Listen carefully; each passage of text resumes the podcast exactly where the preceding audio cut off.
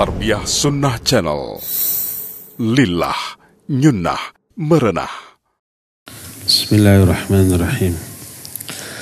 Assalamualaikum warahmatullahi wabarakatuh. Alhamdulillah. Wassalatu wassalamu ala rasulillahi wa ba'd. Hadirin jamaah Masjid Raya Cipaganti Bandung yang Allah muliakan. Alhamdulillah kita kembali berjumpa melanjutkan kajian tentang at-ta'abbud bil asma wa sifat. Beribadah kepada Allah dengan isi kandungan nama dan sifat Allah. Kita sedang menerangkan buah dari ma'rifatullah. Buah dari mengenal Allah. Salah satunya ikhlas. Dan kita sekarang sedang menjelaskan tentang akibat buruk bagi orang yang niatnya buruk ketika beribadah, ketika beramal soleh. Salah satu niat buruk itu ria. Puntennya kalau di sini ada ikhwan atau ahwat yang namanya ria. Suka ada kan? Makanya judul yang kita angkat adalah nasib buruk bagi si Ria. Ria di sini bukan nama. Jadi punten kalau ada yang namanya Ria. Karena Ria yang sedang kita bahas adalah Ria bahasa Arab. Artinya ingin dilihat. Kalau Ria bahasa kita artinya gembira ya. Gembira Ria. Ria gembira.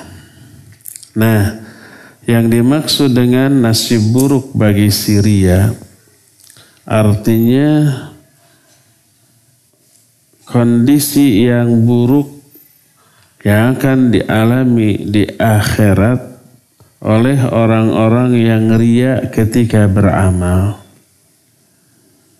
Ketika di dunia kita sudah jelaskan. Di akhirat kita akan bahas Salah satu buah buruk dari ria adalah Allah bongkar keriaannya ketika di dunia. Nanti kita akan bahas ya. Nih ada beberapa riwayat yang mengerikan. Kalau riwayat ini dibahas, kita baca, kita ceritakan, ceritakan dengan penghayatan, itu bisa pingsan pingsan yang mengemukakannya. Sebagaimana yang diterangkan di dalam salah satu riwayat namanya Syufai al-Asbahi rahimahullah. Syufai ini seorang tabi'in. Apa arti tabi'in? Orang yang hidup sezaman dengan para sahabat Nabi alaihi salatu wassalam. Dengan Nabi SAW orang ini tidak ketemu, tidak berjumpa. Belum lahir, Nabi wafat, dia baru lahir, dia belajar Islam ke sahabat. Disebutlah tabi'in. Nah salah satunya namanya Syufai al-Asbahi rahimahullah. Dia masuk ke kota Madinah. Faidah huwa birajulin nas. Tiba-tiba dia menemukan ada orang yang sedang dikerumuni oleh manusia. Orang ini berbicara, didengar oleh banyak orang. Lalu aku bertanya, "Man hadha?" Siapa orang ini? Dijawab Abu Hurairah radhiyallahu an. Orang ini Abu Hurairah, seorang sahabat Nabi. Fadanaitu fadanautu minhu hatta qa'antu baina yadayhi. Aku pun mendekat. Kemudian duduk di hadapannya. Wa huwa yuhadditsun nas. Dia berbicara kepada manusia. Falamma sakata. Ketika dia diam, orang-orang pun sudah pergi. Ngajinya sudah selesai. Kajiannya sudah selesai. Orang ini kemudian berkata, as'aluka bihaqqin wa bihaqqin lamma haddathani hadithan min Rasulillah sallallahu alaihi wa alihi wasallam Kata Syufai ini aku bertanya kepadamu tentang uh, demi kebenaran tentang hadis yang pernah engkau dengar dari Rasul Sallallahu Alaihi Wasallam engkau hafalkan dan engkau fahami. Tolong sampaikan hadis itu kepadaku. Kata Abu Hurairah radhiyallahu an af'an. La uhaddithannaka hadithan haddathanihi Rasul sallallahu alaihi wasallam. Aqaltuhu wa alimtuhu. Ya, aku akan lakukan Aku akan beritahukan kepadamu satu hadis yang pernah Nabi sampaikan kepadaku. Aku fahami dan aku hafalkan. Tapi apa yang terjadi? Thumma Abu Hurairah nasghatan. Tiba-tiba sebelum melanjutkan ucapannya Abu Hurairah itu kata orang Sunda mah sumegruk nangis. Apa namanya sumegruk itu nyegruk nangis. Hmm, apa nyegruk eh, dia menangis gitu elanya. Terseduh-seduh. Ah.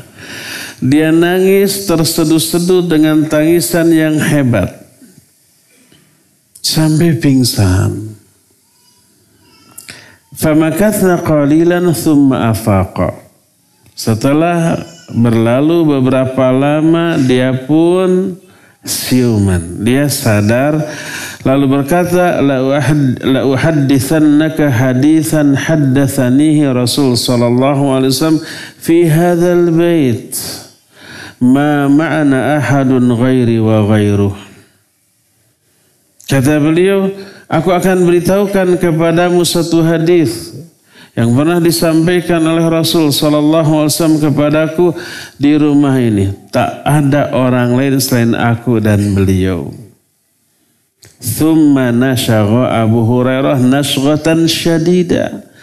Lalu Abu Hurairah menangis lagi terseduh-seduh dengan tangisan yang dahsyat sampai pingsan. Dua kali ya. Thumma afaqa Famasaha wajhahu lalu dia sadar lagi. Dia usap wajahnya. Lalu dia berkata, af'alu la uhaddithannaka hadithan haddathani Rasul sallallahu alaihi wasallam. Wa ana huwa fi hadzal bait ma ma'ana ahadun ghairi wa ghairuh.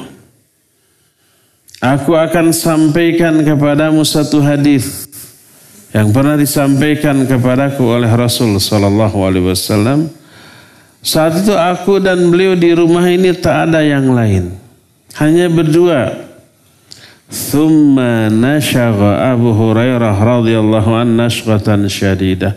Lalu beliau pun menangis kembali terseduh-seduh dengan tangisan yang dahsyat. Thumma mala kharan ala wajhi. Kemudian beliau malah bahasa asingnya ngulahik, ngulapes. Kharan kharan ala wajah sampai wajahnya jatuh tuh ke lantai. Apalagi tuh pingsan lagi. Fasnadtuhu alayya tawilan aku sandarkan kepalanya di dadaku beberapa lama. Summa afaqa. Kemudian beliau siuman lagi. Sadar lagi. Kemudian berkata, Haddathani Rasulullah sallallahu alaihi wasallam. Jadi sudah berapa kali pingsan tadi tanya? Tiga apa empat? Ada yang tiga, ada yang empat. Ikhtilaf. Saya pikir yang suka ikhtilaf itu para ulamanya. Ternyata para tulab juga, tulabul ilm juga suka ikhtilaf. Hitung sendirilah ada yang tiga, ada yang empat. Siapa yang salah berarti malawung tadi. Kata Abu Hurairah, Nabi Sallallahu Alaihi Wasallam bersabda, Allah tabaraka wa ta'ala إذا كان يوم القيامة ينزل إلى العباد ليقضي بينهم وكل أمة جاثية فأول ما يدعو به رجل جمع القرآن ورجل قتل في سبيل الله ورجل كثير المال kata Abu Hurairah Nabi Shallallahu Alaihi Wasallam menyampaikan, memberitahukan kepadaku bahwa Allah Azza wa Jalla ketika nanti pada hari kiamat dia turun kepada hamba-hambanya untuk menghisab mereka, menghakimi mereka. Kullu ummatin jathiyah. Semua orang saat itu jathiyah. Jathiyah itu artinya tapak deku. Tapak deku itu dia berdiri di atas kedua lututnya. Apa bahasa kitanya? Dia tapak deku dia hmm, dia berlutut, berlutut ada bahasa Indonesia. Semua manusia berlutut saat itu di hadapan Allah Azza wa Jalla. Maka orang yang pertama kali dipanggil oleh Allah tiga manusia hebat. Pertama orang yang mengumpulkan Al-Quran. Mana mengumpulkan teh? Dia menghafalkan Al-Quran. Dia sering membaca Al-Quran. Dia mengamalkannya. Dia mengajarkannya. Hebat nggak ini orang? Hebat. Belum tentu ada satu dari sejuta umat Islam. Belum tentu. Ya. Jarang, super jarang. Kedua, orang yang terbunuh di jalan Allah, syahid dan yang ketiga orang yang hartawan. Hartawan tapi dermawan loh. Hartawan tapi nggak pelit. Tidak buntut kasiran, tekeket merengkel, merege hese, cap jahe. Enggak. Tapi ini mah dermawan.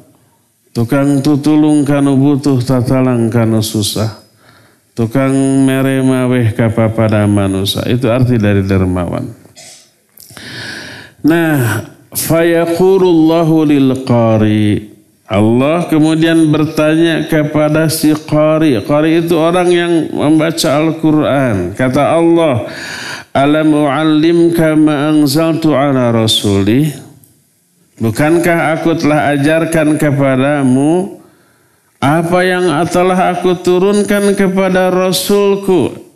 Itu apa? Al-Quran. Sudah aku ajarkan kepadamu Al-Quran. Aku permudah.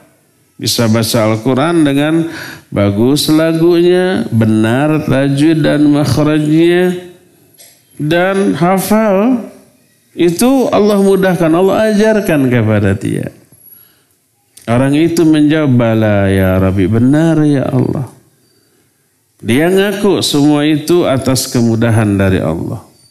Allah bertanya, "Famadza amilta fima ulimta?" Lalu apa yang kamu kerjakan dengan ilmu yang sudah diajarkan kepadamu?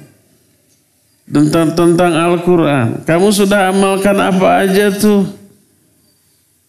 Kata orang itu, "Kuntu aqumu bihi ana al-lail wa ana an-nahar." Ya Allah, Aku amalkan Quran ini sepanjang malam dan sepanjang siang.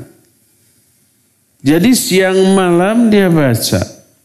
Siang malam dia ajarkan. Jadi orang ini tidak sekedar menguasai untuk dirinya sendiri, tapi juga dia ajarkan kepada orang lain. Bagus apa hebat nih orang? Bagus dan hebat. Dari aspek lahiriahnya bagus. Sehari-harinya belajar Quran, mengajarkan Quran dan itu sebaik-baik orang ya enggak? Hadis sahih riwayat Imam Muslim menyatakan khairukum man ta'allama al-Qur'ana wa 'allamahu. Sebaik-baik kalian adalah orang yang belajar Al-Quran dan mengajarkannya. Makanya para ulama, Syekh Al-Uthaymin rahimahullah sudah kita pernah bahas, itu menganjurkan bikin loh halakoh-halakoh, tahsin Al-Quran, tahfidz Quran. Mudah-mudahan nanti yayasan memfasilitasi. Ahwat juga insya Allah sebentar lagi akan ada tuh yang ngajar tahsin dan tahfidz ya. Sebentar lagi insya Allah. Mungkin syawal paling maksimal. Mudah-mudahan Ramadan sudah bisa dimulai. Khusus ahwat, Iwan nggak boleh ikut. Sebab gurunya ahwat. Jadi orang itu mengajarkan Quran, baca Al-Quran siang dan malam. Lahiriahnya. Dan itu sebaik-baik manusia. Tapi apa kata Allah? Kadzab tak bohong kamu. Wa taqulu lahul malaikah kadzabta malaikat yang saat itu ada di sekelilingnya juga bilang bohong kamu. Oleh Allah didustakan, oleh para malaikat didustakan. Apanya yang didustakan? Bukankah realitanya benar dia belajar Al-Quran dan mengajarkan Quran siang dan malam? Iya. Dia tidak berdusta dengan ucapannya. Tapi kenapa oleh Allah dan oleh juga kemudian oleh para malaikat didustakan? Kita pernah membahas salah satu amalan hati as-sidqu. Di mana itu tadi bahasnya coba? Di masjid uh, wali kota apa tuh? Kuah Al-Ukhuwah, Al-Ukhuwah. Membahas amalan hati. Diambil dari At-Tuhfah Al-Iraqiyah fil A'malil Qalbiyah. Susunan Syekhul Islam. Ibn Taimiyah rahimahullah. Ketika menerangkan asidku, apa arti asidku? Jujur atau benar. Asidku itu ada berbagai macam, ada tujuh. Salah satunya adalah asidku fin niyah jujur atau benar dalam hal niat. Jujur atau benar dalam hal niat artinya ikhlas ketika beramal. Niatnya ikhlas lillah. Karena Allah. Sehingga ketika dia ria, sum'ah atau yang sejenisnya. Maka dia tidak lagi jujur. Dia disebut dusta. Ini yang Allah dustakan niatnya nih. Allah mengatakan kadzab tak bohong kamu. Para malaikat juga mengatakan bohong kamu. Lalu Allah membongkar kebohongan dia. Kata Allah, Bal aradta ayyuqala inna fulanan qari faqad qila dhalik. Kamu memang berbuat semua itu. Kamu memang melakukan semua itu. Baca Quran, mengajarkan Quran, mengamalkan Quran. Tapi niat kamu melakukan semua itu agar orang-orang mengatakan kamu ini qari. Kamu ini ahli membaca Al-Quran. Kamu ini alim. Alim bahasa Arab, sanes bahasa Sundanya. Alim bahasa Arab artinya apa? Orang berilmu. Kalau alim bahasa Sunda artinya naon? Embung. Uh, tidak mau. Agar kamu disebut alim, ulama, ustadz beken, dai kondang, mubalik terkenal, dai sejuta ummahat. Nah, ingin disebut begitu tuh. Faqad qila dhalik. Dan memang orang-orang sudah memujimu dengan pujian seperti itu. Hati-hati nih. Ini niatnya buruk apa jelek? Buruk dan jelek. Saya nggak ngasih alternatif baik sebab nggak ada kebaikan dalam ria. Orang ini niatnya buruk dan jelek. Apa akibatnya? Akibatnya Allah memerintahkan orang itu diseret pada wajahnya. Diambil kedua kakinya, wajahnya terkena ke tanah lalu digusur. Siapa si si wajahnya itu terparut oleh jalanan. Terus belawang dibalangkan karena neraka. Belawang teh dilemparkan ke dalam api neraka. Waliyadzubillah. Itu tuh nasib buruk bagi Syria. Padahal bentuk ucapannya, bentuk perbuatannya bagus. Ya, mengajarkan Quran, belajar akan Al-Quran, tapi salah niat, buruk niatnya, dimasukkan dalam api neraka. Ini pertama tuh. Kedua wa yu'ta bisahibil mal. Lalu didatangkan lagi si pemilik harta. Lalu oleh Allah Azza wa Jalla ditanya alam uwasi' alaika hatta lam adaka tahtaju ila ahadin. Bukankah dulu ketika di dunia Aku telah luaskan harta bagimu. Aku tidak biarkan kamu punya kebutuhan kepada siapa pun. Bahkan orang-orang yang butuh kepadamu ya. Baik orang-orang yang memang matre. Mendekati siapa nih orang yang banyak duit. Didekati tuh. Siapa tuh kecipratan. Termasuk Mudah-mudahan nggak ada ustadz yang mendekati orang kaya. Orang kaya yang mendekati ustadz banyak dengan berbagai macam motif. Salah satunya ingin ngatur dakwah ustadz. Kalau bisa diatur saya kasih uang. Kalau enggak disingkirkan saya undang ustadz lain. Ada yang begitu. Dan saya termasuk tipe orang yang tidak suka mendekati orang kaya. Gak mau. Kalau ada orang kaya mendekat, hati-hati ini. Ini mau ngatur dakwah saya atau mau membantu. Kalau membantu silakan, tapi jangan berharap dapat balasan apa pun dari saya. Kecuali doa, jazakallahu khair. Kalau mau ngatur enggak, akhirnya mental dia ya. Dan akhirnya tidak membantu sabodoting. EGP. Emang kita apa dakwah itu butuh bantuan kita? Enggak. Kita yang butuh membantu dakwah untuk kepentingan kita sendiri, ya. Jadi kalau di sini ada orang-orang kaya mendekati saya untuk ngatur, jauh aja Kasabrang ke Palembang. kalau mau ngatur.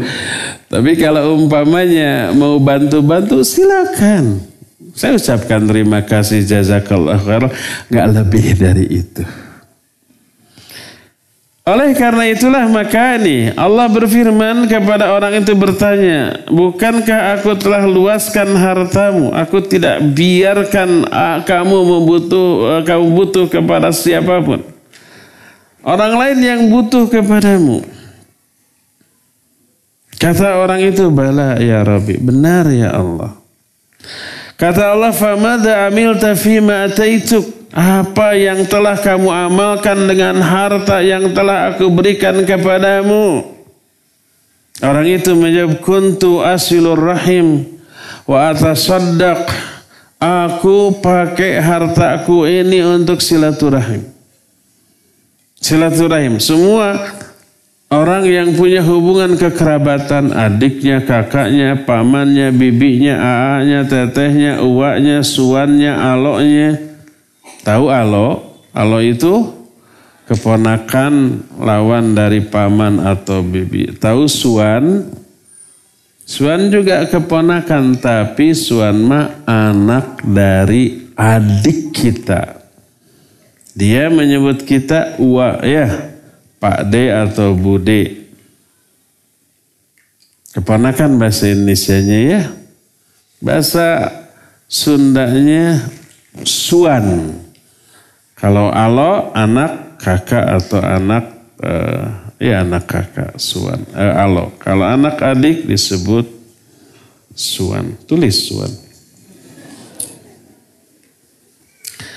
Semua kerabat Diperhatikan. Kalau ada kerabat yang fakir, miskin, dia kasih zakat. Dia kasih infak, dia kasih sodakoh. Dan itu punya dua nilai. Menyalurkan zakat kepada kerabat, asal kerabat itu fakir dan miskin. Punya dua nilai, dan itu lebih utama. Pertama, nilai menyalurkan zakat, infak, atau sodakohnya itu sendiri. Kedua, ada nilai apanya? Silaturahminya. Saudara yang kita kasih, ada efek nggak efek baik ke kita? Iya. Dia jadi bager ke kita, dia jadi perhatian ke kita, jadi dia tambah sayang ke kita. Sudah ada hubungan kekerabatan, terus ada ada aspek ihsan, perbuatan baik dari diri kita kepada uh, mereka. Semua ihsan, jangankan ke kerabat, ke musuh pun kalau kita berbuat baik itu bisa meluluhkan hati orang yang tadinya membenci kita. Tadinya menentang kita, tadinya nggak suka kepada kita. Coba kita lakukan perbuatan baik kepada dia. Luluh itu hatinya. Minimal nggak benci lagi. Maksimalnya berbalik tadinya benci menjadi suka. Tadinya menentang menjadi mendukung. Ya, idfa billati hiya asan. Fa idzal ladzi uh, kana bainahu wa bainaka Adawah ka'annahu waliyun hamim. Balaslah keburukan itu dengan kebaikan. Maka orang yang tadi antara kamu dengan dia ada permusuhan, itu berubah menjadi kawan yang sangat akrab. Itu efek dari ihsan, efek dari perbuatan baik. Kemusuh pun bisa meluluhkan hati musuh yang benci menjadi suka. Apalagi ini kekerabat. Jadi Berbuat baik ke kerabat silaturahmi luar biasa. Bagusnya. Si kaya ini menyatakan kuntu asilur rahim. Wa tasaddaq. Dulu hartaku ini aku pakai untuk silaturahmi. Untuk bersodakoh. Untuk berbuat kebaikan. Dalam riwayat lain tidak ada satu pun momen yang engkau cinta untuk berinfak di momen itu. Kecuali aku pasti infak di momen itu. Ada masjid yang lagi dibangun, Allah suka kalau kita infak. Kita infak. Ada umpamanya ma'had pesantren seperti kita sedang sekarang rencanakan sudah menggalang mau dibangun, oh keluarkan uang di sana. Terus nanti akan menjadi tabungan di akhirat. Nilai pahalanya jariah mengalir terus selama bangunan itu dipakai. Dipakai belajar, dipakai mengajar, dipakai menghafal Al-Quran, pahala. Santri-santri yang belajar di gedung yang kita biayai, kelak menjadi ustadz, menjadi da'i, mengajar ke sana kemari. Itu pahala mengajar si da'i ini juga ngalir ke orang yang ngebangun tadi itu. Terus si Ustadz nanti di masa depan itu mengajarkan lagi. Muridnya menjadi da'i lagi, menyebar lagi. Wah, ngalirnya itu luar biasa. Enggak ketampung. Kalau umpamanya pahala itu air, siapkan lautan yang dalam untuk menampungnya.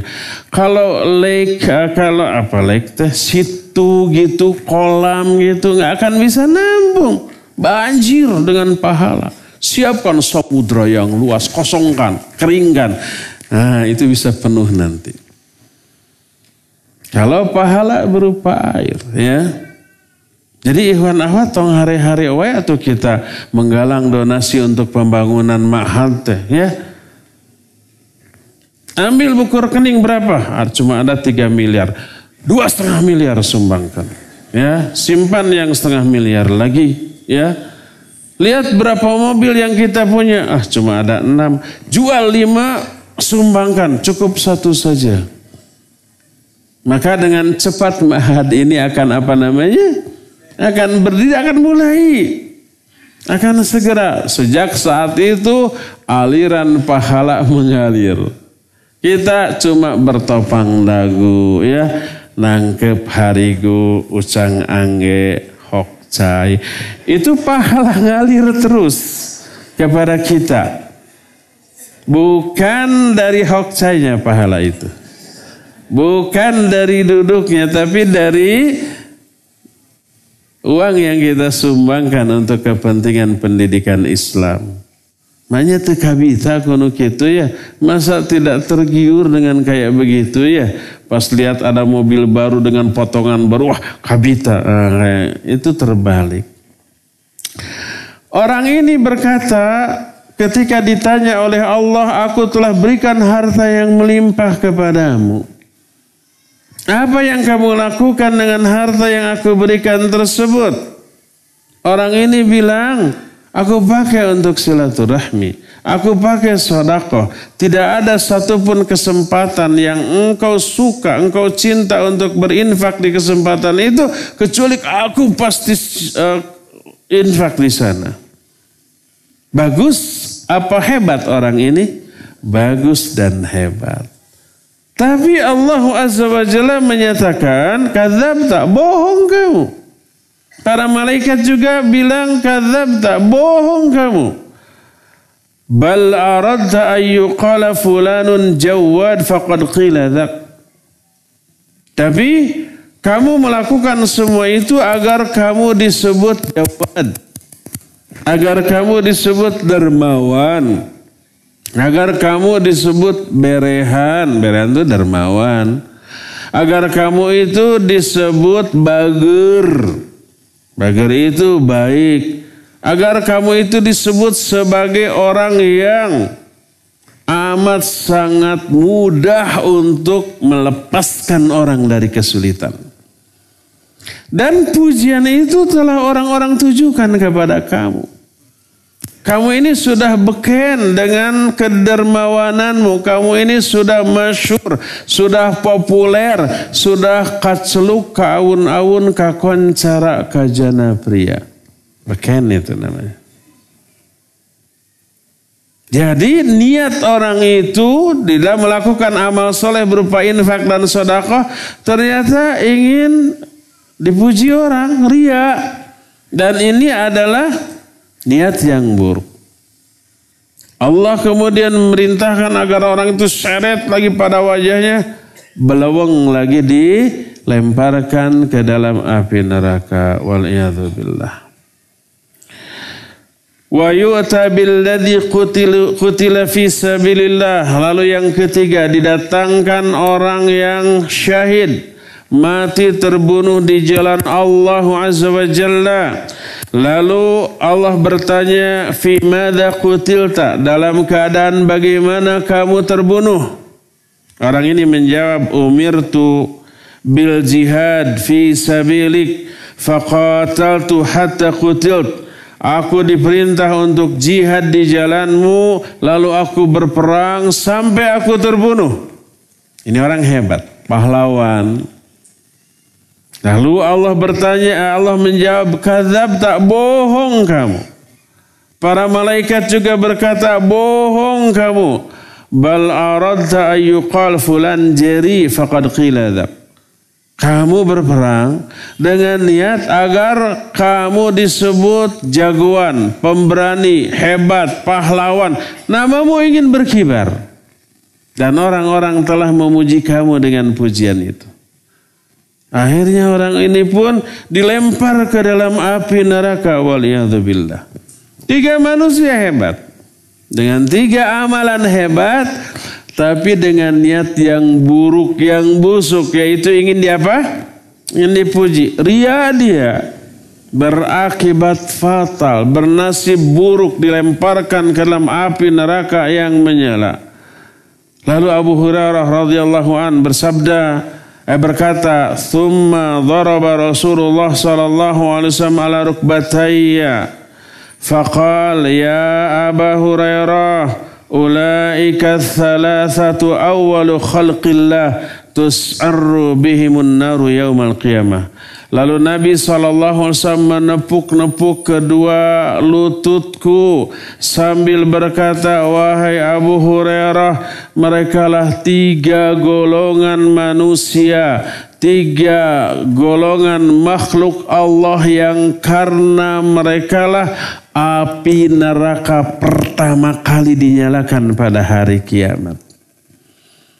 Penyebab dinyalakannya api neraka bukan oleh orang kafir, bukan oleh orang musyrik. Yang pertama dihisab itu tiga manusia hebat dengan tiga amalan hebat, tapi dengan niat yang apa? Yang busuk. Niatnya apa? Ria. Niatnya apa? ingin dipuji. Niatnya apa? Ingin namanya disebut oleh orang. Ingin dihargai dengan amal soleh. Hati-hati ikhwan. Amalan baik wajib diniatkan dengan niat yang benar. Lillahi azza wa jalla. Imam At-Tirmidzi juga meriwayatkan hadis ini. Hadis ini diriwayatkan Imam At-Tirmidzi dalam kitab Sunannya Syekh Al-Albani rahimahullah mensahihkan hadis dalam kitab Sahih Al-Jami'us Saghir. Juga hadis ini ada asal dalam kitab Sahih Muslim dengan sanad yang sahih. Imam At-Tirmidzi ada tambahan dari Ala bin Abi Hakim. Uh, annahu kana sayyafan li Muawiyah radhiyallahu an. Bahwa Ala bin Abi Hakim ini seorang sayaf bagi Muawiyah. Sayaf itu jago pedang. Jagoannya lah. Gitu ya. Kiri kanan itu jalan dua-duanya. Rata-rata orang kan cuma jagoan pakai pakai kanan aja pas pakai kiri mah uh, kaku gitu ya. Ini mah dua-duanya. Sayaf dia.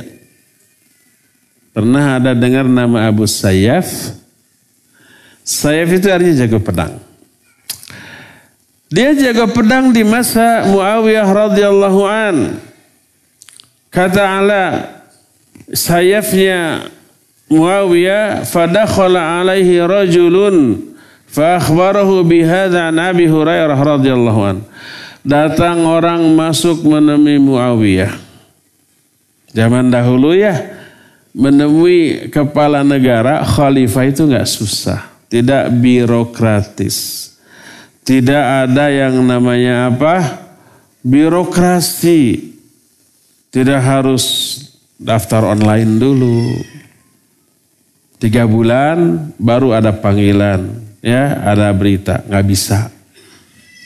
Dulu mah langsung ketemu Muawiyah. Orang ini menyampaikan hadis dari Abu Hurairah tadi kepada Muawiyah. Berkata Muawiyah, "Qad fu'ila biha ulai hadza, fa kaifa biman baqiya minan nas?" Tiga orang manusia hebat saja bisa begitu. Apalagi dengan orang yang lainnya. Tiga orang ini tidak tiga orang yang berilmu. Kita sudah pernah jelaskan bahwa semua amal soleh lahir dari ilmu. Kenapa orang berjihad? Padahal jihad itu resikonya besar loh. Apa resikonya? Nyawa. Kalau kalah bisa mati. Kalau menang minimal dia terluka. Belum lagi kalau dia tertawan oleh musuh. Wah resikonya gede. Tapi dan dulu jihad itu dengan dengan harta juga. Kalau jihad seluruh kebutuhan jiwa pedangnya, perbekalannya, kudanya, perisainya itu ngemodal sendiri. Tidak disuplai oleh negara. Karena negara saat itu Nabi SAW tidak mungkin. Tidak mungkin membiayai semuanya itu. Semua. Makanya jihadnya dengan harta dan dan jiwa. Kalau para tentara di seluruh negara termasuk negara Saudi sekarang. Kalau mau jihad apakah biaya sendiri? Tidak. Di apa? disuplai oleh negara, disediakan. Kalau zaman dahulu enggak. Kenapa orang berani berjihad, mengorbankan harta dan jiwanya? Itu kan pasti karena ilmu. Dia tahu hartanya ini akan menguntungkan kalau dibawa perang. Dia tahu jiwanya kalau mati di medan perang syahid. Syahid itu kematian yang paling mulia. Itu karena ilmu. Kenapa orang yang berharta berani untuk menghabiskan seluruh hartanya untuk kepentingan di jalan Allah? Itu karena ilmu. Orang yang berilmu tiga jenis manusia hebat tadi bisa begitu. Apalagi yang lainnya. Kata Muawiyah. Faqad fu'ila bihaulai hadha fa kaifa biman yab biman baqiya minan nas. Terus dia thumma baka Muawiyah bukaan syadidan hatta dhananna annahu halik. Lalu Muawiyah sesegukan menangis dengan tangisan yang dahsyat sehingga kami menyangka wah dia mau mati nih. Tangisannya itu memelas banget. Ya. Terus kami berkata qad ja'ana hadzal rajul bisyarr Kita telah kedatangan orang dengan membawa efek yang buruk. Orang itu tadi kan menyampaikan hadis ini efeknya buruk kepada Muawiyah. Sampai melengis, sampai nangis sejadi-jadinya sesegukan, sampai pingsan. Pingsan tuh. Lalu. Summa afaqo. Kemudian setelah itu Muawiyah siuman kembali. Wa masaha an wajhi lalu dia mengusap wajahnya sambil membacakan ayat yang terdapat dalam surah Hud ayat 15 dan ayat 16. Allah berfirman, "Man kana yuridul hayata dunya wa zinataha nuwaffi ilaihim a'malahum fiha wa hum fiha la yubkhasun. Ulaika alladhina laysa lahum fil akhirati illa an-nar." Wa habita ma sana'u fiha wa batilum ma kanu ya'malun. Kata Muawiyah setelah mengusap wajahnya. Setelah dia siuman dari pingsannya. Lihat Abu Hurairah sampai pingsan. Muawiyah mendengar ini sampai pingsan. Saking takutnya mereka terjerumus ke dalam golongan itu. Kata Muawiyah, telah benarlah Allah dan Rasulnya. Allah berfirman, siapa yang menginginkan kehidupan dunia dan kemewahannya, nuwafi ilaihim a'malahum. Fi akan kami penuhi keinginan mereka dengan amal mereka di dunia ini. Wahum fiha la yubkhasun dan mereka tidak dirugikan sedikit pun. Siapa orang yang beramal untuk kepentingan dunia Allah kasih. Tapi apa akibatnya Ulaika alladzina laisa lahum fil akhirah nar. Mereka lah orang-orang yang tidak akan memperoleh bagian apa-apa di akhirat kecuali neraka. Wahabitu ma dan gugur terhapuslah seluruh amal-amal yang mereka lakukan di dunia wa batilum makanu ya'malun dan batilah seluruh apa yang mereka lakukan. Jadi ayat ini menjelaskan orang yang beramal, amalnya amal akhirat. Tapi motivasinya dunia. Allah akan kasih di dunia. Tapi di akhirat Allah siapkan neraka. Seluruh amal baiknya batil. Digugurkan, dihapus oleh Allah Azza wa Jalla. Dalam satu hadis kursi yang sahih diriwayatkan oleh Imam Muslim. Allah berfirman, Ana agna syurakai ani syirk. Man amila amalan asyraka fihi ma'i ghairi taraktuhu wa syirkah. Aku ini kata Allah zat yang paling tidak membutuhkan sekutu, tidak membutuhkan saingan, tandingan atau yang sejenis itu. Maka siapa orang yang mengamalkan satu amalan tapi dia menyekutukan aku dalam amalan itu dengan yang lainnya, aku tinggalkan dia, aku tinggalkan perbuatan syiriknya. Disebut syirik. Syirik itu membagi dua niat ibadah membagi dua ibadah. Kepada Allah ibadah kepada selain Allah juga ibadah. Itu syirik. Termasuk ibadahnya hanya kepada Allah. Tidak menyembah kepada selain Allah. Tapi niatnya dibagi dua. Sebagian untuk Allah sebagian untuk dunia. Untuk pujian orang untuk komen orang untuk dapat jempol orang dan yang sejenisnya. Itu membagi dua niat Allah mengatakan taraktuhu wa syirkahu. Aku tinggalkan dia, aku tinggalkan perbuatan syiriknya, aku tolak amalnya. Tidak diterima. Orang Sunda bilang Allah mah mual karo'oh kuno itu patut. Karo'oh nggak ada terjemahan. Karo'oh itu apanya? Hmm. Nggak, nggak, nggak tertarik lah, nggak minat gitu ya. Untuk menerima hal itu gitu. Karena adanya nilai keburukan sudah pernah saya jelaskan. Jangankan Allah innallaha tayyibun la yakbalu illa tayyiba. Allah itu baik dan tidak akan menerima kecuali yang baik. Kalau ada amalan baik tercampuri oleh sedikit kekotoran jangankan Allah atau kita juga nolak. Saya pernah kan bilang ya ahwat yang terutamakan ahwat umumnya maniak basonya Ada tukang, setiap tukang bakso lewat selalu dipegat. Sampai tahu mana yang enak, mana yang kurang enaknya. Tahu tuh. Datang lewat tukang bakso. Mang, dua mangkok. Kalau satu nggak cukup. Tapi satu-satu dulu. Oke. Para ini lagi makan gado-gado. Tukang bakso lewat, dipesan.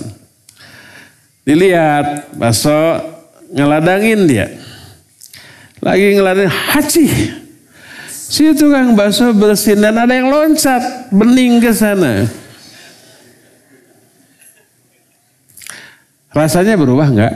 Enggak. Aromanya berubah enggak? Enggak. Ya. Mau enggak si Ahwat nerima itu? Enggak. Enggak mau mengganti. Kenapa nih? Itu ada yang bening-bening di sana. Tapi kan enggak merubah rasa nggak merubah aroma, malah tambah enak. Padahal yang masuk ke sana sedikit. Nggak akan ada 5% dari seluruh mangkok bakso yang gede itu ya. Kita aja nggak mau nerima itu. Kenapa? Ada noda di sana. Ya. Padahal kalau dimakan bikin sakit perut nggak? Enggak. Ya. Ada ada apa namanya bikin kanker enggak? Enggak. Tambah enak dijamin. gak perlu pakai garam lagi.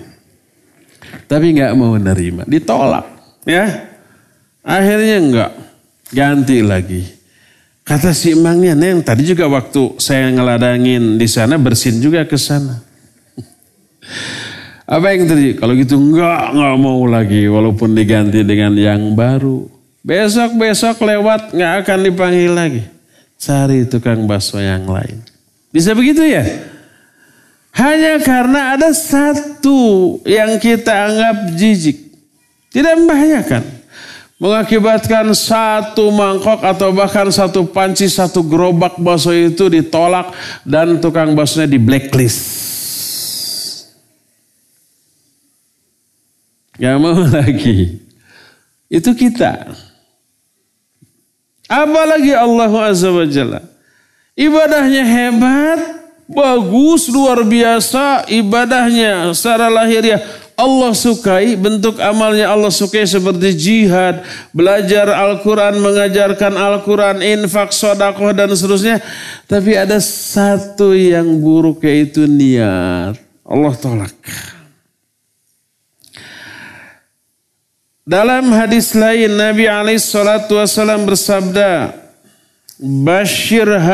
ummata bis sana'i wal raf'ati wal nasr wat tamkini fil ard faman amila minhum amal al akhirati lid dunya lam yakun lahu fil akhirati nasib kata Rasul sallallahu alaihi wasallam berikan kabar gembira kepada umat ini dengan kemuliaan, dengan ketinggian, dengan pertolongan dari Allah wa tamkini fil ard dan kekuasaan di muka bumi.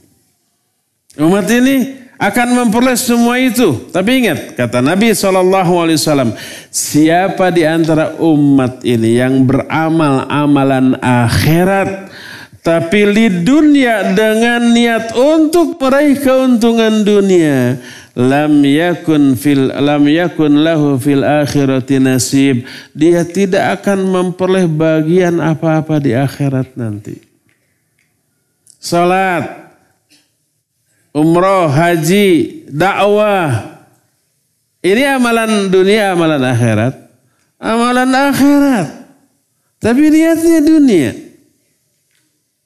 Umroh haji ingin dipuji Terus dakwah begini, di dakwah ini ada ada ada keuntungan dunia yang bisa diraih apa tidak? Ada, banyak. Apa saja? Ada pujian orang, ada uang, ada uang nggak di dalam dakwah ini? Ada. Ketika ngaji ada canceling nggak yang lewat? Ada. Apa isinya? Uang kosong. Isinya kosong. Nanti setelah beredar baru isi kalau mustaminya hente parlit Kalau mustaminya pelit dari awal sampai keluar juga kosong aja. Atau hanya beberapa gelintir. Itu pun koin.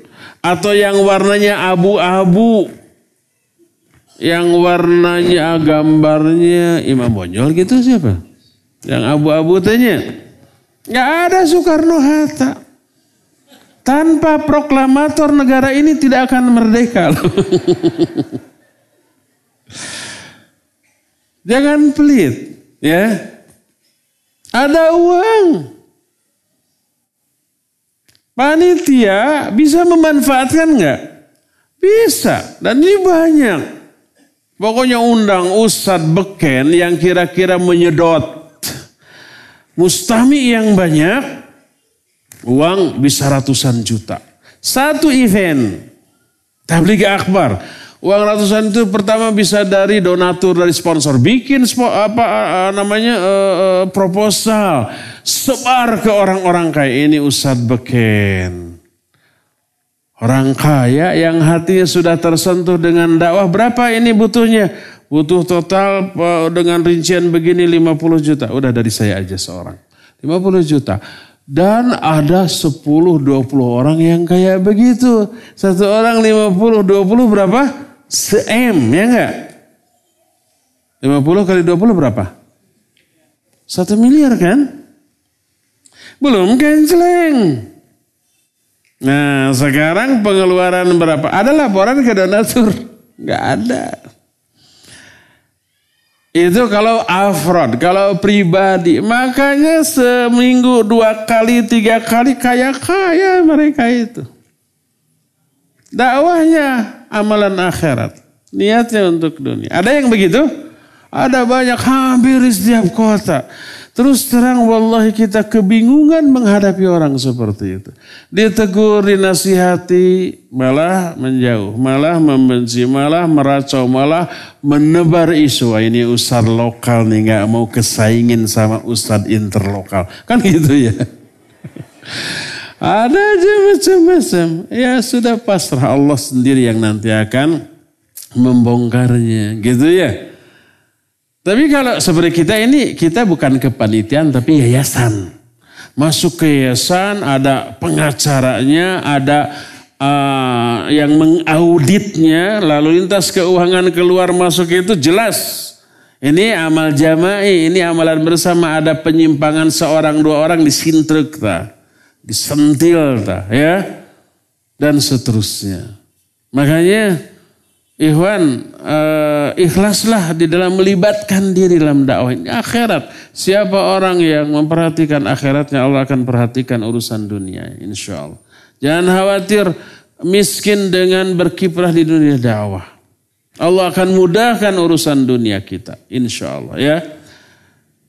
Sebab ada tipe ikhwan melihat di yayasan, wah ini mentok ini, nggak akan kaya dengan ini. Akhirnya misah, akhirnya bikin yang baru. Gabung ke sana. Lihat siapa di antara jamaah yang kaya. Didekati, di, dikilikitik, dikeleketek ya. Supaya uangnya keluar untuk kepentingan kepanitiaan. Jangan ke yayasan lah. Yayasan sudah banyak duit gitu. Alhamdulillah kalau yayasan banyak duitnya bisa mengembangkan dakwah ini. Bisa bikin TV, bisa bikin ma'ad, bisa bikin macam-macam ya. Pemasukan banyak, keluar jauh lebih banyak lagi. Itulah orang yang beramal akhirat untuk kepentingan dunia. Allah Rasul Shallallahu Wasallam menyatakan lam yakun lahu fil akhiratin nasib. Orang itu nggak akan dapat bagian apa-apa di akhirat. Dalam salah satu hadis kudsi berfirman Allah Azza wa Jalla, Ana khairus syarikin. Faman asyraka ma'i syarikan. Fahuwa li syariki. Ya ayuhan nas akhlisu a'malakum. Fa inna Allah la yakbalu illa ma ukhlisalah wala taqulu hadza lillah walirrahim fa innaha lirrahim. Wa laysa lillahi minha syai'un wala taqulu hadza lillah waliwujuhikum fa wa kata Allah aku ini sebaik-baik partner sebaik-baik sekutu Kalau umpamanya kita bersekutu dengan orang lain untuk suatu usaha. Kita katakan, semua keuntungan semua ini silakan milik kamu. Aku mah enggak, enggak minat, enggak tertarik sedikit pun, sesen pun. Silakan untuk kamu semua. Baik enggak partner seperti itu? Baik, bingit. Allah berfirman, aku sebaik-baik sekutu. Siapa orang yang bersekutu dengan aku, ya, maka seluruh amalan orang yang menduakan amalan itu maka untuk sekutuku silakan aku mah nggak butuh. Kata orang Sunda tadi mual karooh. Nah itu tuh. Nggak akan minat kepada amal dia. Kalau dia menduakan niatnya untukku dan untuk sekutuku. Silakan untuk si, si sekutuku itu Hei manusia ikhlaslah dalam beramal kalian untuk Allah karena Allah tidak akan menerima amalan kecuali yang ikhlas. Jangan engkau katakan amalku ini untuk Allah sebagian, untuk silaturahmi sebagian, untuk kerabatku sebagian, untuk Allah sebagian, untuk perhatian manusia sebagian. Enggak. Karena Allah akan melepas semua itu, merelakan semua itu silakan untuk sekutuku. Allah Azza wa Jalla tidak akan menerima. Dan ini yang paling dikhawatirkan oleh Rasul Sallallahu Alaihi Wasallam menimpa umatnya. Kata beliau dalam salah satu hadis yang sahih diriwayatkan oleh Imam Ahmad dan uh, Syekh Al Albani memasukkan hadis ini ke dalam silsilah al hadis as sahihah. Kata Rasul sallallahu alaihi wasallam, "Inna akhwafa ma akhafu alaikum asyirkul asghar." Sesungguhnya sesuatu yang paling aku takutkan menimpa kalian adalah syirik kecil. Jangan tertipu dengan kata-kata kecil. Sekecil-kecil dosa syirik kecil itu lebih besar daripada dosa besar yang lain. Para sahabat bertanya, wa masyirkul asghar ya Rasulullah, apa syirik kecil itu wahai Rasulullah? Beliau menjawab ria. Yaqulullahu lahum yaumal qiyamah. Nanti di hari kiamat Allah akan berfirman berkata kepada orang-orang yang ria kata Allah Azza wa idza khuziyan nas bi amalim ketika idza juziyan nas bi amalim ketika manusia dibalas dengan amal-amalnya yang baik dengan balasan baik yang buruk dengan balasan yang buruk Allah berfirman kepada orang yang ria Idhabu ila alladhina kuntum turauna fid dunya fanzuru hal tajiduna indahum jazaa Pergilah kamu ke orang-orang yang dahulu kamu berbuat amal soleh karena mereka ketika di dunia. Apakah kamu akan memperoleh balasan dari sisi mereka? Jadi ketika kita sholat, oh, mumpung ada si Anu saya sholat. Sholatnya untuk si Anu. Nanti kata Allah, tuh pergi ke si Anu. Minta balasan dari dia. Ketika dia um, kita umpamanya infak sodako. Karena apa? Karena ada si fulan. Mudah-mudahan si fulan memberi apresiasi terhadap sodako saya. Nanti hari kiamat kamu sodakohmu ini amal baik. Minta balasan kepada si fulan. Sebab dahulu kamu sodakoh karena dia. Ada nggak balasan dari dia? Nggak ada, nggak bisa. Yang nggak ada yang bisa beri balasan di akhirat di kalangan makhluknya. Hanya Allah yang bisa memberi balasan. Dalam hadis lain, "Idza jama'a Allahu al-awwalina wal akhirina yawmal qiyamah li yawmin la raiba fih nada munadin man kana asyraka fi amalin amilahu lillah falyatlub la thawabahu min indi ghairillah fa inna Allah aghna syuraka yani syirki." Ketika Allah mengumpulkan seluruh makhluk dari awal sampai akhir pada hari kiamat di sebuah di suatu hari yang nggak ada keraguan lagi di hari itu. Ada yang menyeru, siapa orang yang menyekutukan Allah di dalam satu amalan, Menyekutukan Allah dalam satu amalan itu maknanya dia beramal dengan uh, mengamalkan amal yang Allah perintahkan untuk Allah sebagian, untuk pujian manusia sebagian. Dibagi dua, syirik ya. Silakan dia meminta pahala dari selain Allah karena Allah adalah zat yang paling tidak membutuhkan sekutu, paling tidak membutuhkan saingan. Bahkan orang yang ria, yang sum'ah, apa bedanya ria dengan sum'ah? Kalau ria ingin di apa? Dilihat. Kalau sum'ah ingin ingin didengar. Seperti amalan yang membutuhkan suara baca Quran, zikir. Dilihat mah enggak, tapi terdengar. Zikir keras, baca Quran keras.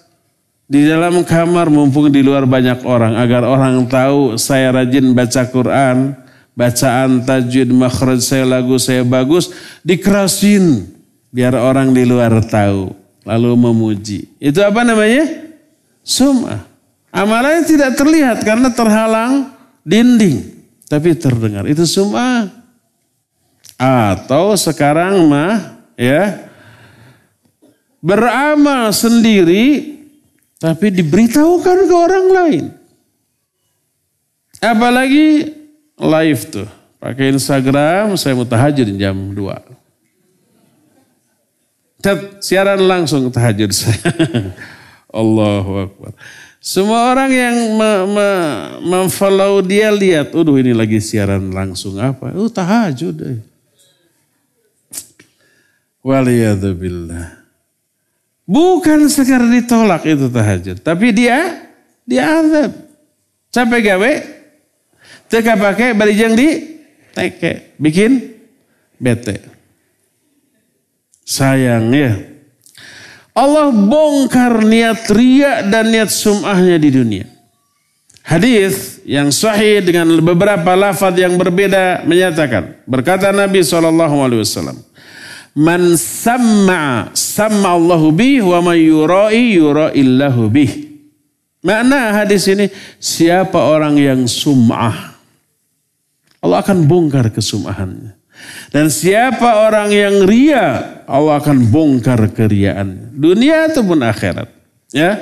Hadis tersebut sahih riwayat Imam Bukhari, Imam Muslim dalam dua kitab sahihnya. Dalam riwayat lain, Man qama maqama riya'in wa sum'atin ra'allahu bihi yaumal qiyamah wa samma'a. Siapa orang yang beramal dengan ria atau sum'ah, Allah akan bongkar ria dan sum'ahnya pada hari kiamat. Hadis tersebut diriwayatkan Imam Ahmad, Imam Ad-Darimi dan yang lain-lain dengan sanad yang sahih. Al-Albani mensahihkan hadis ini. Dalam riwayat lain, man sama an-nas bi amalihi, sama Allahu bihi sami'a khalqi, wa sagharahu wa haqqarahu. Siapa orang yang sumah kepada manusia dengan amalnya. Dia beramal, lalu diberitahukan kepada orang-orang. Dia sampaikan informasi dia sudah beramal begini dan begitu. Allah akan bongkar niat sumahnya ini di hadapan seluruh makhluk Allah hinakan dia, Allah rendahkan dia. Berkata Ibnu Abbas radhiyallahu anhu, "Man ra'a bi syai'in fid dunya min amalin wakalahu Allahu ilaihi yaumal qiyamah." Wa qala, "Unzur hal yugni anka syai'a." Siapa orang yang ria dengan amalannya waktu di dunia, maka Allah akan serahkan dia kepada amalannya itu pada hari kiamat lalu berkata, perhatikan apakah riaknya itu bermanfaat sedikit saja bagi kamu. Ternyata tentu saja bukan hanya tidak manfaat tapi juga berbahaya. Berkata Ibrahim At-Taimi dari bapaknya. Qala Hudzaifah li Abi Musa. Berkata Hudzaifah kepada Abu Musa, dua-duanya sahabat Nabi alaihi salatu wassalam. Kata Hudzaifah, "Ara'aita law anna rajulan kharaja bisayfihi yabtaghi wajha Allah faduriba." Faqutila kana yadkhulul jannah faqala lahu Abu Musa na'am.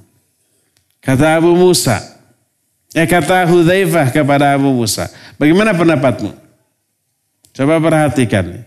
Bagaimana pendapatmu kalau ada orang keluar membawa pedangnya berjihad karena Allah. Ia betagi wajah Allah. Dia hanya menginginkan wajah Allah. Faduriba fakutila. Dia tertebas lehernya lalu mati, terbunuh. Apakah dia masuk surga? Jawaban antum kalau ditanya begini gimana? Orang keluar membawa pedang, jihad. Karena Allah, karena Allah. Terbunuh. Dia masuk surga apa tidak? Jawabannya masuk surga. Antum satu pendapat dengan Abu Musa. Tapi salah. Faqala lahu Abu Musa, Abu Musa berkata, "Na'am." Iya, masuk surga. Karena apa? Karena ikhlas, ya enggak? Ternyata salah. Ya cukup ikhlas. Kata Hudzaifah, la tidak, tidak dulu masuk surga. Walakin idza kharaja bi sayfihi yabtaghi wajha Allah thumma asaba amra Allah faqutila dakhala jannah. Tidak pasti begitu. Tapi kalau dia keluar membawa pedang dengan niat mencari wajah Allah. Thumma asaba amrallah. Kemudian dia juga mengikuti syariat Allah ketika berjihadnya. Jadi tidak sekedar ikhlas tapi harus mutabah. Harus benar ya. Ikhlas tapi nggak benar. Coba sekarang sholat subuh. Ikhlas, khusyuk, sampai nangis. Tapi tiga rakaat. Ketika sholat khusyuk, sholat subuh khusyuk dan ikhlas, termati. Tapi tiga rakaat. Ke surga apa ke neraka? Ke neraka. Karena apa? Karena tidak sesuai dengan syariat Allah. Amalnya ditolak. Man amila amalan laisa alaihi amruna fahuwa radun. Tidak cukup ikhlas, tidak cukup khusyuk, tapi harus benar sholatnya. Jadi siapa yang beramal tapi tidak sesuai dengan perintahku, dia ditolak. Tidak hanya ditolak, diazab. Iyyakum wa muhdatsatil umur fa inna kulla muhdatsatin bidah wa kulla bid'atin dhalalah wa kulla dhalatin finnar. Jadi kalau umpamanya ada orang mati dalam keadaan sujud, Wah pasti ke surga. Enggak, lihat dulu sujudnya ngapain. Oh, tapi sujudnya di dalam sholat. Bagus. Sholat apa? Sebab ada sholat di waktu yang terlarang. Kalau lagi haji, lagi umroh. Orang di Madinah berebut di Raudhah, ya enggak? Tapi datangnya jam 3. Jam 3 subuh. Udah penuh. Gak kebagian tempat akhirnya di dekat Raudhah. Sambil ngelirik ada tempat kosong. Enggak, berdesak-desakan di sana. Beres sholat subuh, selesai imam salam, orang yang di Raudhah bubar. Apa yang terjadi? Yang tadi nggak kebaikan, nggak kebagian Raudhah, bruk, nyerbu Raudhah. Sholat ba'da subuh. Sholat apa tuh? Duka, nggak tahu. Padahal sholat ba'da subuh Terlarang ya enggak? Termasuk waktu yang terlarang sholat ini sholat. Mumpung di Raudhah. Padahal tahu enggak? Kalau sholat di Raudhah atau di Masjid Nabawi secara umum dilipat gandakan seribu kali lipat. Lebih baik dibanding masjid lain. Ketika orang melakukan dosa di sana juga dosanya seribu kali lipat. Askar teriak-teriak, la tusallu, la tusallu, mamnu ya akhi, ya haj, la tusallu. Jangan sholat, terlarang, terlarang. Eh, hari-hari, datang ngerti. Pulang teh ke sana, uh, askar juga nyuruh, ayo sholat, ayo sholat. Padahal ngelarang ya. Karena di waktu yang yang terlarang. Nah kalau lagi begitu, sholat di raudhah, ba'da sholat subuh, entah sholat apa, mati. Itu mati sedang melakukan dosa seribu kali lipat loh. Ini kalau tanpa ilmu demikian. Makanya berkata Hudzaifah menimpali Abu Musa, jangan dulu dia difonis masuk surga. Tapi orang kalau keluar dari rumah membawa senjata perang di jalan Allah, terbunuh karena mencari doa Allah dan asaba amrullah. Dia sesuai jihadnya dengan aturan Allah. Baru masuk surga. Ada aturan dalam berjihad? Ada. Kita sudah jelaskan dahulu ya. Beberapa aturan yang tidak boleh dilanggar ketika jihad. Nah ini butuh ilmu. Tidak sekedar ikhlas tapi juga harus apa? Harus benar ya. Masya Allah. Sudah mau habis waktunya. Berkata Abu Nadhar, tadi antum telat sih datangnya. Jadi bahwa Umar bin Ubaidillah bertanya kepada Abdullah bin Umar radhiyallahu anhuma.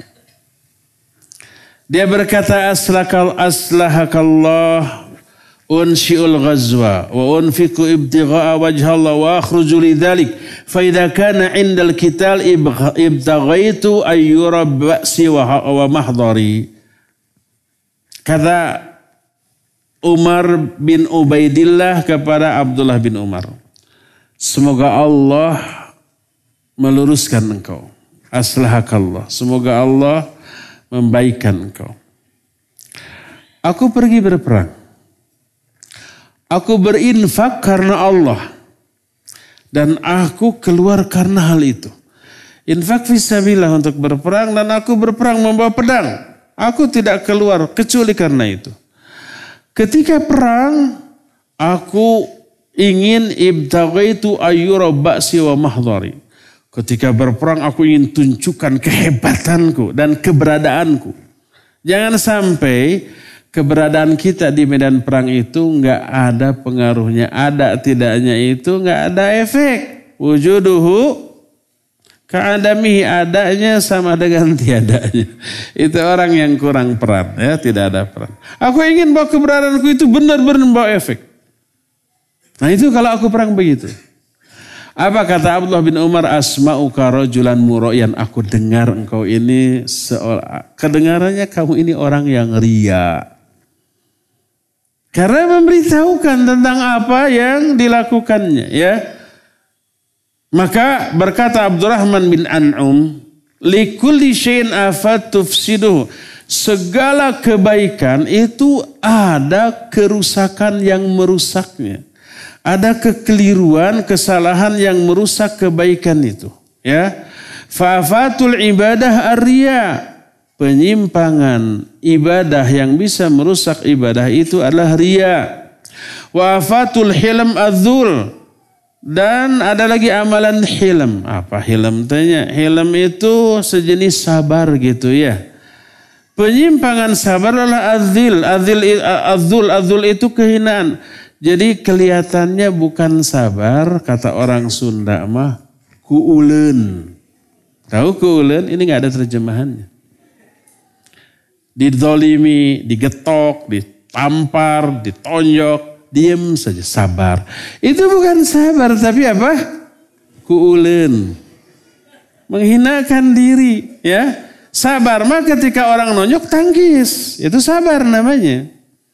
Ketika orang nendang, tangkap kakinya, jungjungkan, angkat, dia jatuh sendiri. Kalau diem, plek, nih, plek, nih, plek, pingsan. Itu kuulen menghinakan diri, ya. Wafatul haya Allah. Ada al haya, apa al haya itu? Rasa malu, bagus apa Bagus apa benar? Bagus dan benar. Tapi ada afatnya. Ada kesalahan penyimpangan itu al-dha'af.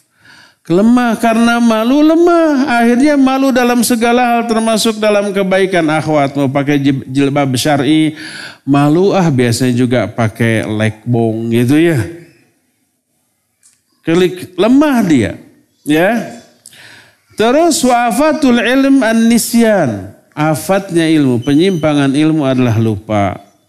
Wafatul akal al-ujub binafsi. Adapun akal, akal kecerdasan.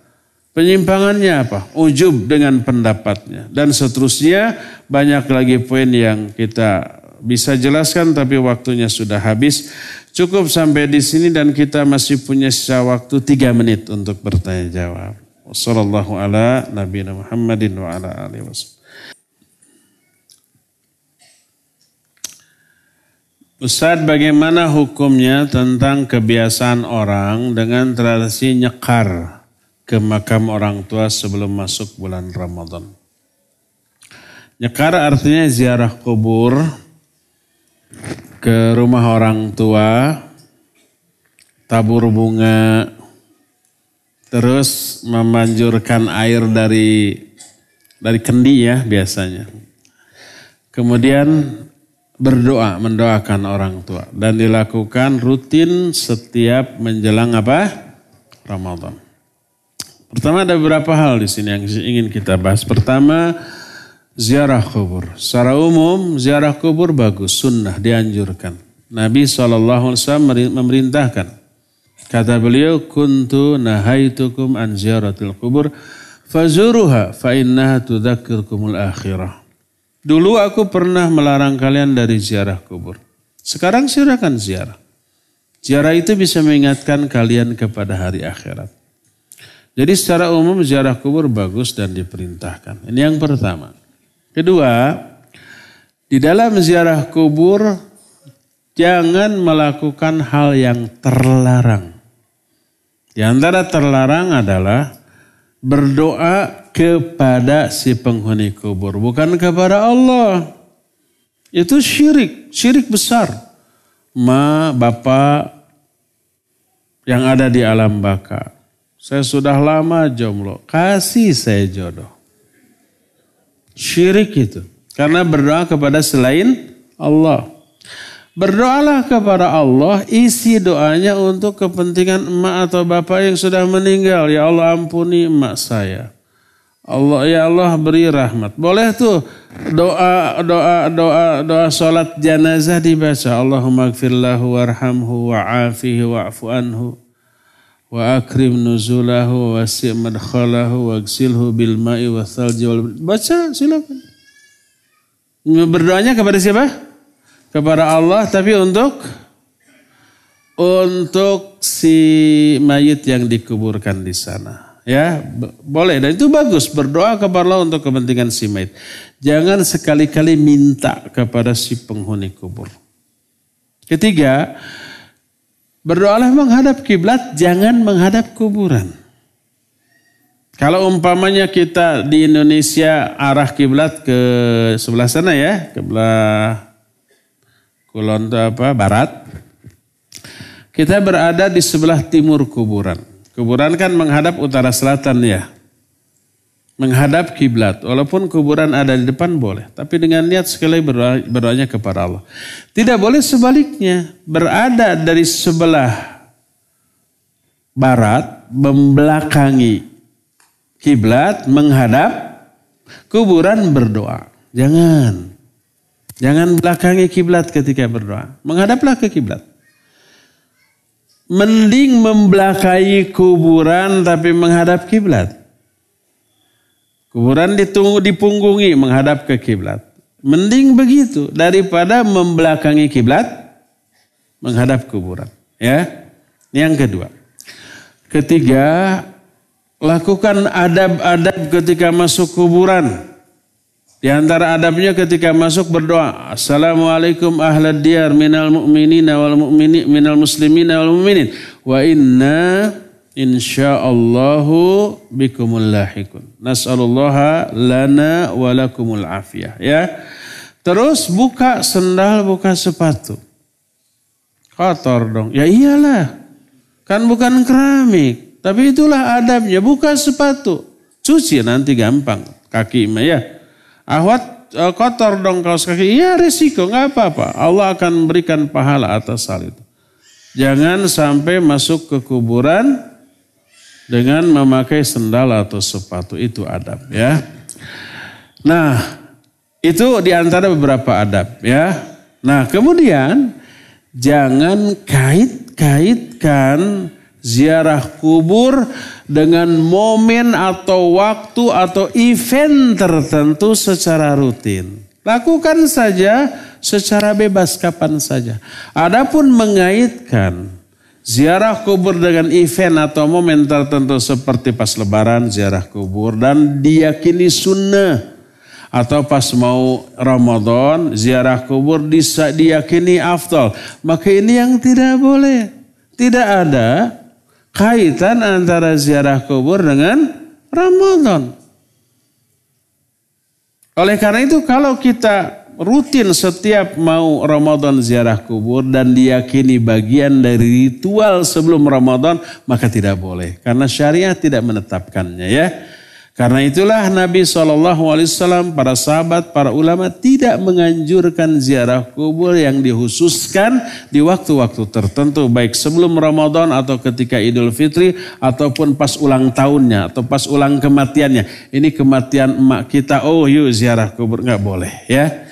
Sekali lagi ziarah kuburnya dianjurkan tapi jangan ditetapkan waktu dan momennya di waktu dan momen yang khusus. Wallahu. Terakhir ya, mohon maaf tidak semuanya terbahas. Ana sering membuat status di medsos terup to date, aduh, terkini perihal kota Mekah dan Madinah. Miss, keadaan cuaca waktu sholat DLL. Apakah hal yang Ana lakukan termasuk ria? Pertama, amalan memberitahukan kondisi Mekah dan Madinah ada manfaatnya untuk orang? Ada.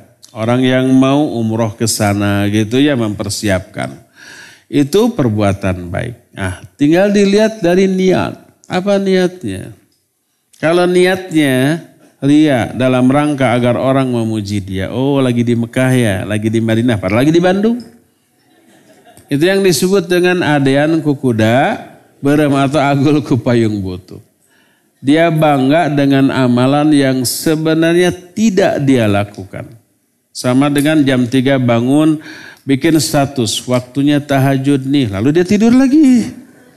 Agar orang-orang menyangka dia tahajud padahal tidak. Bangga dengan amalan yang sebenarnya tidak dia lakukan. Memalukan yang seperti itu ya. Jadi kalau niat kita dengan itu ya agar orang menyangka kita lagi di Mekah lagi di Madinah. Padahal tidak ya itu tidak boleh ya. Atau kita me, apa menyatakan saya lagi di Bandung tapi saya informasikan tentang Mekah dan Madinah. Agar apa? Agar orang menilai kita memiliki kepedulian terhadap orang-orang yang akan ke Mekah ke Madinah dan dikasih jempol. Maka tidak boleh atau itu bisa membuat orang suudon. Nah dasar kamu mah caper gitu ya. Lalu tersebar keburukan maka sebaiknya jangan. Adapun kalau semua keburukan tadi tidak terjadi dan kita murni ingin memberitahukan kondisi cuaca di sana untuk orang-orang yang mau umroh atau haji maka tidak apa-apa. Wallahu alam bisawab. Cukup ya sampai di sini waktunya sudah habis. Insya Allah kita jumpa kembali selasa yang akan datang. Subhanakallahum bihamdik asyhadu an la ilaha illa anta astaghfiruka wa atubu ilaik walhamdulillahi rabbil alamin wassalamu alaikum warahmatullahi wabarakatuh.